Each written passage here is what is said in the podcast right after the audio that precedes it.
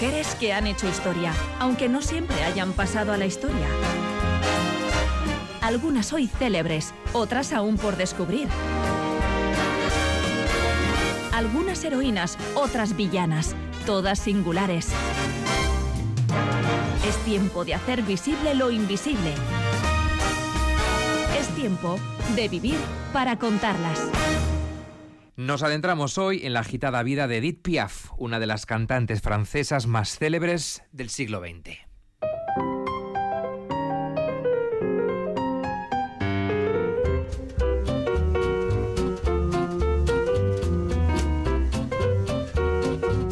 Conocida en sus inicios como La Mon Piaf, legó al repertorio francófono inolvidables himnos como La Bien Rose, Non je rien, El himno al amour o Milord, entre otros. Edurne Vaz, ¿qué tal? Hola. Hola, muy bien. Nos vamos a dejar la lengua hoy con hoy el francés. con el francés vamos a sufrir, sí. Que nos perdonen, ¿eh? todas y todos los franceses.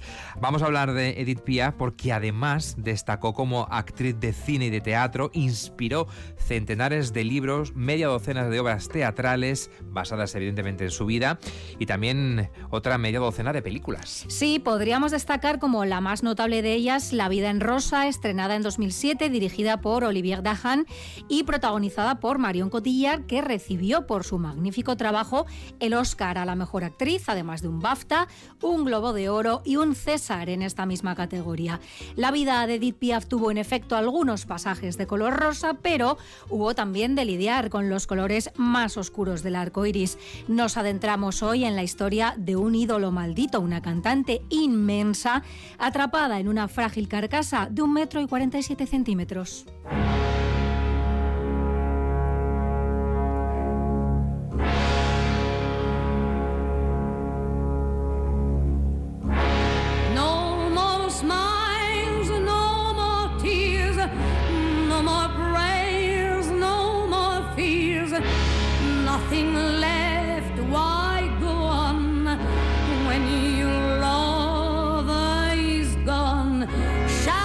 Edith Giovanna Gassion Millard nació en París el 19 de diciembre de 1915. Lo hizo en el seno de una familia extremadamente pobre y completamente desestructurada. ¿Quiénes y cómo fueron sus padres? Su padre, Louis Alphonse, era acróbata y contorsionista ambulante, al tiempo que su madre, Aneta, se ganaba la vida vendiendo turrón, llevando un tío vivo y como cantante callejera. Un aura de leyenda rodea el nacimiento de la pequeña Edith. Al parecer, su padre salió en busca de una ambulancia cuando su madre se puso de parto, pero, bebedor y mujeriego como era, se entretuvo como solía por los bares de la zona. La pobre Aneta se vio en mitad de la noche sola ante el peligro hasta el punto de que, incapaz de llegar por su propio pie al hospital, tuvo que dar a luz allí mismo. Y por allí mismo me refiero, según una de las versiones, al pasillo de su destartalada casa sobre el capote de un guardia que acudió en su ayuda y según la extendida, bueno, la más extendida de las versiones, en plena calle, bajo la luz de una farola, frente al número 72 de la parisina calle Belleville, en la que, dicho sea de paso, se exhibe hoy una placa que así lo corrobora. En las escaleras de esta casa nació el 19 de diciembre de 1915, en medio de la indigencia, Edith Piaf, cuya voz conmocionó más tarde al mundo. Existe también una versión mucho menos legendaria, según la cual Edith nació, o al menos así se hizo constar en su partida de nacimiento, en un hospital no muy lejos de ese domicilio familiar. En cualquiera de los casos, Edurne, lo vamos a comprobar hoy en Vivir para contarlas, la vida de Edith Piaf no estaba llamada a ser más fácil que ese accidentado eh, nacimiento, ¿no? Y versionado accidente. No. eh, nacimiento. En absoluto, porque bueno, su padre fue llamado a combatir en la Primera Guerra Mundial y Aneta, demasiado joven, pobre e inestable, no podía hacerse cargo en solitario de su hija, de modo que la dejó al cuidado de Emma, abuela materna de la niña, quien en lugar de darle biberones con leche se los daba con vino, argumentando que así se combatían los microbios. Tampoco la lavaba nunca, de manera que cuando su padre volvió de permiso en 1917 se encontró a esa niña en un estado deplorable. Decidió entonces dejarla al cuidado de la señora Luis, abuela paterna de Edith, que regentaba un hotel un tanto particular en la localidad normanda de Verney. El hotel en cuestión, no hará falta ya que os lo diga, era en realidad un prostíbulo. Y allí, en aquel grupo de mujeres, encontró por fin el afecto y los cuidados de una madre, o en su caso, de ocho. Ella siempre recordó, de hecho, aquella época de su vida con gran cariño. Fue también, además, mm, por aquel entonces, ¿no? cuando tuvo lugar otro de los más legendarios episodios de la biografía de Edith Piaf. Estamos hablando el de cómo recuperó eh, la vista, em, digamos que milagrosamente, ¿no? Sí, sí, ¿Cómo sí. fue? Hubo ahí un supuesto milagro porque ella tenía seis años y Monique Lance en su libro Edith Piaf lo cuenta así. Una hermosa mañana de primavera, Edith se queda ciega. En realidad lo que tiene es una inflamación de la córnea, una queratitis que se curará sola. Pero las señoritas, no obstante, convencidas están de que Edith ha recobrado la vista el 21 de agosto de 1921 gracias a sus plegarias.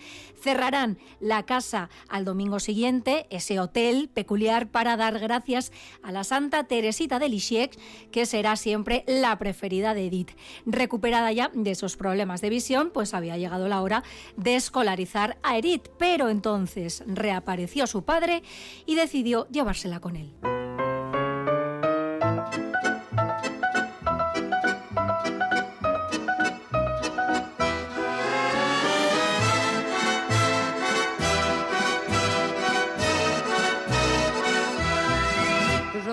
La ville en fête et en délire. Vamos a disfrutar mucho en este episodio de la música de Edith Piaf a la Oh, vez que conocemos su biografía. Decíamos que fue sacada del prostíbulo que regentaba su abuela y que se había convertido para ella en un afectuoso hogar para ser empujada a la precaria e inestable vida de los artistas y de los pequeños circos itinerantes. ¿Qué le deparó la vuelta eh, con su padre? Pues una vida bohemia, ¿no? En el peor sentido del término, en ese contexto del París más canalla, mientras su padre hacía sus acrobacias y contorsionismos, ella, pues de la mano de un mono, paseaba la gorra, ¿no? Pero un día que su padre estaba enfermo, Edith tuvo que salir sola a intentar ganar unas monedas y en una esquina de la calle se puso a cantar la marsellesa y recaudó más dinero en esos tres minutos que su padre en toda una jornada. Descubierta la gallina de los huevos de oro, quedó claro el nuevo cometido de Edith en el, digamos, negocio familiar, entonar canciones populares por las calles de París. Una ocupación inicialmente forzosa que acabó convirtiéndose en su tabla de salvación. Por primera vez recibía cálidos aplausos, por primera vez veía en los transeúntes miradas de admiración, por primera vez sintió que podía ganarse la vida por sí misma. Con 14 años decidió independizarse y se fue a vivir al Hotel Clermont en el barrio de Montmartre. En 1933, a los 17 años, se enamoró de un chico de los recados llamado Louis Dupont, con quien poco después tuvo a su única hija, una niña llamada Marcel, que murió de meningitis a los dos años. Evidentemente la herida por aquella pérdida jamás cicatrizó en Edith. Es normal, em, pero digamos que lo profesional sí, tuve, sí tuvo un golpe, un golpe de suerte. Sí, el talento de aquella pequeña y menuda joven que cantaba en la calle no pasó desapercibido. A Louis Leplé, un empresario del espectáculo que regentaba un cabaret próximo a los Campos Elíseos, y fue él además quien le puso el sobrenombre artístico de La Montpiaf, que podríamos traducir como el pequeño gorrión. Y las cosas empezaron a irle francamente bien. Sí, en 1936 grabó su primer y exitoso disco, cuyo título podríamos traducir del francés como Los niños de la campana. En él cantaba sobre lo que conocía demasiado bien, es decir, la vida en la calle, el desarraigo, los corazones rotos, el amor de compraventa, la falta de expectativas. Pero ese mismo año, Louis Liplé, el dueño del cabaret en el que Edith actuaba cada noche, ese hombre que la había sacado de las calles y que ella además había adoptado como una figura paterna, fue asesinado en su propio domicilio. Este crimen sacó a la luz los turbios negocios del empresario en los bajos fondos parisinos y Edith quedó atrapada en mitad de ese escándalo mediático hasta el punto de que incluso llegó a ser interrogada por la policía como posible sospechosa. Volvió, por tanto, a la casilla de salida, a cantar en las calles y en antros de mala muerte en los que se entregaba a hombres que no amaba y se bebía literalmente la vida. Dispuesta a reconducir su carrera, retomó su antiguo contacto con el compositor Raymond Asso, quien, convertido en su amante y Pigmalión, preparó a Edith para convertirse en lo que ella más anhelaba, una cantante profesional del Music Hall. En marzo de 1937 debutó en el Teatro ABC de París y pronto trascendió las fronteras de ese local, conquistó las emisoras de radio y con ellas a un público masivo. Edith Piaf era ya una verdadera estrella de la canción francesa.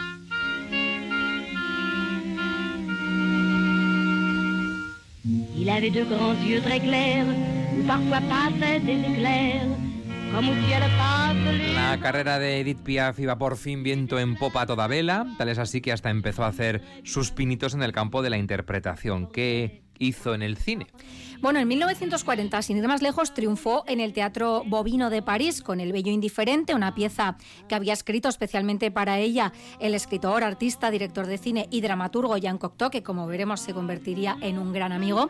Con el mismo actor que la acompañó entonces, Paul Maurice, dio el salto al cine en 1941 con la película Montmartre sur Seine de Georges Lacombe. También fue por aquel entonces cuando cambió su nombre artístico de Lamont Piaf a Edith Piaf. Pero en el París de principios de los años 40, como imaginaréis, las cosas se habían puesto muy complicadas. Lo que nos lleva a uno de los pasajes más controvertidos de su biografía y es el papel que desempeñó durante la ocupación nazi.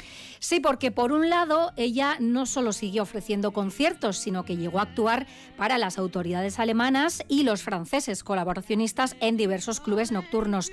Claro que como reveló más tarde Robert Belleret, uno de sus biógrafos, fue después de haber rechazado la invitación una veintena de veces. Y bueno, los nazis no eran personas a las que resultara precisamente sencillo decir que no. De hecho, tras una reunión personal con Goebbels, ministro de propaganda del Tercer Reich, fue invitada a participar junto a otros artistas franceses en una gira de conciertos por Berlín patrocinada por los funcionarios alemanes.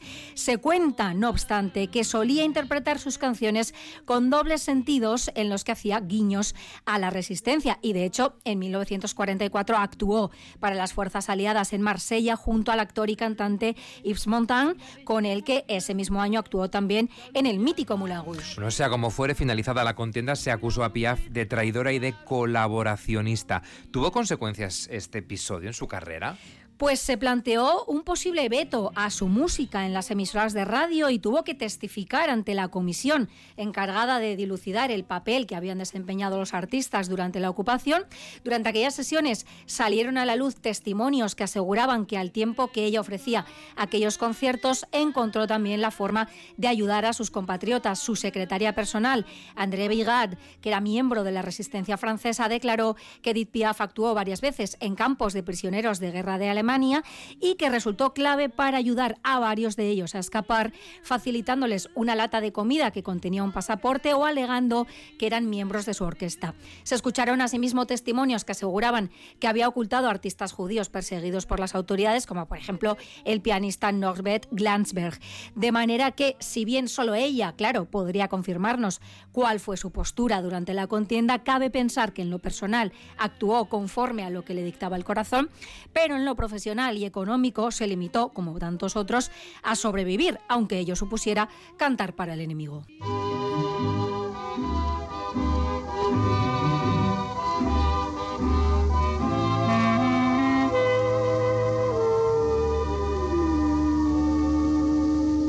Des yeux qui font baisser les miens, un rire qui se perd sur sa bouche. En aquellas actuaciones que compartieron en 1944, Edith Piaf descubrió profesional pero también bíblicamente a un entonces joven y casi debutante Yves Montand. ¿Saltaron chispas entre ellos? Por supuesto, y además ella hizo lo que solía, le presentó a las más relevantes personalidades del mundo del espectáculo del momento, lo cual sin duda contribuyó a que Montand se convirtiera en una estrella del Music Hall y obtuviera su primer papel en el cine con la propia Piaf como coprotagonistas. Se embarcaron en una gira conjunta en 1946, pero ese mismo año dieron por finalizada su relación Él no fue, como digo, el único artista que se benefició del mecenazgo, digamos, de Edith Piaf, que en no pocas ocasiones pues tendía ella a mezclar con el amor. Por citar otros de los muchos ejemplos, en 1950 brindó al cantautor Atahualpa Yupanqui, figura central en la tradición de la música folclórica argentina, la oportunidad de debutar compartiendo escenario con ella. Colaboró asimismo en el lanzamiento de la carrera de Charles Aznavour a principios de la década de 1950, llevándolo de gira con ella por Francia y Estados Unidos y grabando también algunas de sus canciones.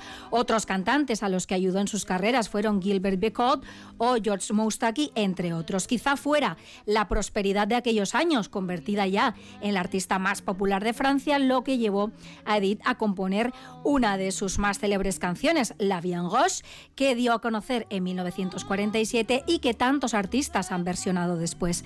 El pequeño gorrión no solo se convirtió con su icónico vestido negro y sus desgarradoras canciones en musa de intelectuales y artistas del París existencialista de la década de los 50, sino que fue internacionalmente reconocida, recorriendo Europa, América del Sur y Estados Unidos, donde actuó ante las celebridades del momento como Orson Welles, Judy Garland, Bette Davis o Marlene Dietrich, a la que le unió una gran amistad y, según los chascarrillos, quizá algo más. Lo que sí podemos decir, Edurne, es que en lo profesional las cosas no podían irle mejor.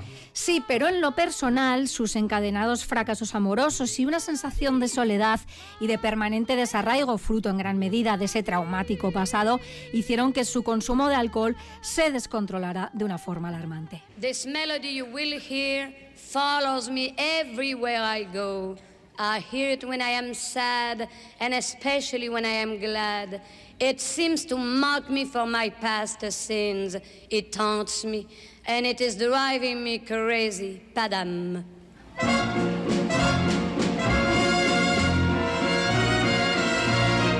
Cet air qui m'obsède jour et nuit, cet air n'est pas né d'aujourd'hui.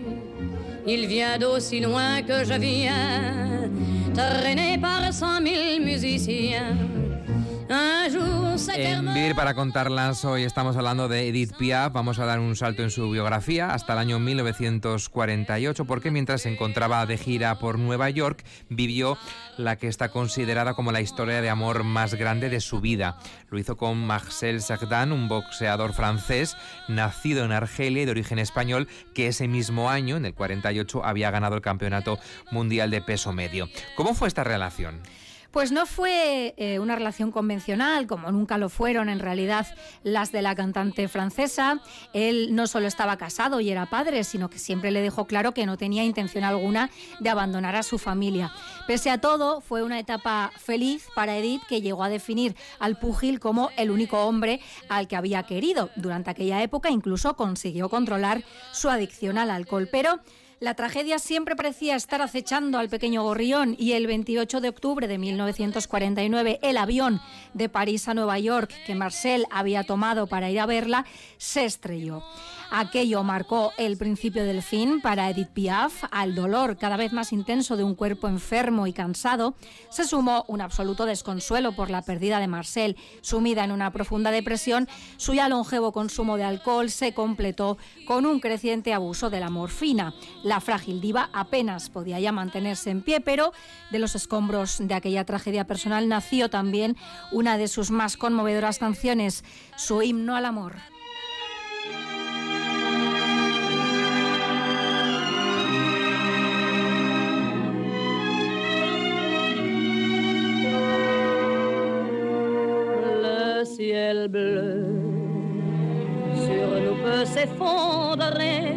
Resultaba estremecedor ¿eh? ver a la ya maltrecha Edith Piaf interpretar con verdadero desgarro esta canción.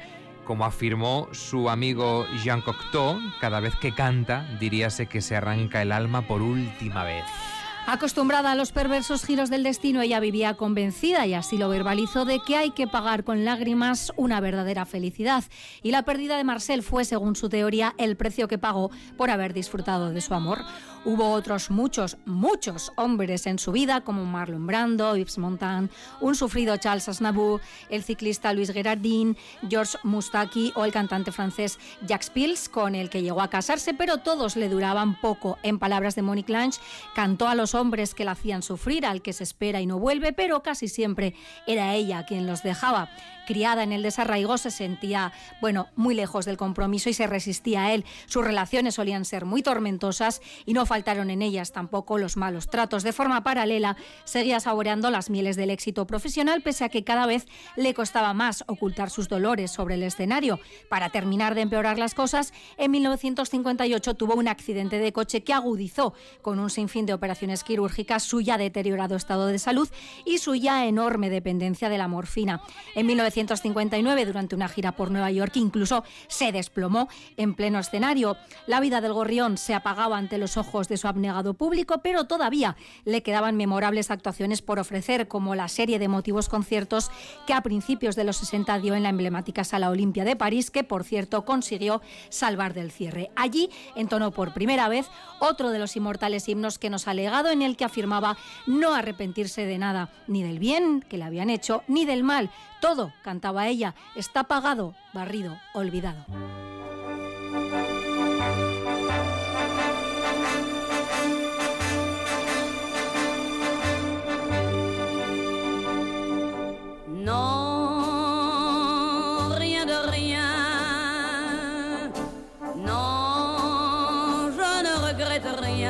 El 9 de octubre de 1962, a los 46 años de edad, una cansada, enferma, también adicta a la morfina Edith Piaf se casó con Ceo Sarapo, un apuesto cantante de 26 años. Con la crudeza que caracterizaba a quien nunca dejó de ser una mujer de la calle, afirmó que él era como un hijo que cuidaba a su anciana madre enferma. Le llovieron a este chaval toda clase de juicios morales, como supondréis, pero lo cierto es que, lejos de echar el guante a una supuesta fortuna de la cantante, lo que heredó fueron deudas que le costó siete años saldar antes de poner fin a su vida estrellando su coche. La muerte de Edith Piaf se hizo pública el 11 de octubre de 1963. Solo tenía 47 años, aunque pareciera ya una anciana, pero había sobrevivido a tres accidentes de coche, un intento de suicidio, cuatro procesos de desintoxicación, tres comas y un episodio de locura, entre otras muchas cosas.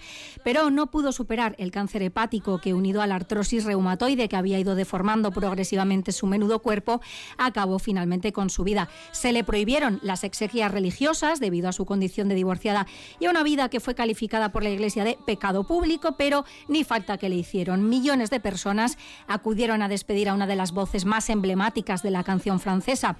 La mujer que, pese a estar marcada por el desengaño y la tragedia, por ese París canalla, no se arrepintió de nada porque, según afirmó, no sería Piaf si no hubiera vivido todo aquello y porque cantar, a fin de cuentas, fue, como también confesó, una forma de escapar.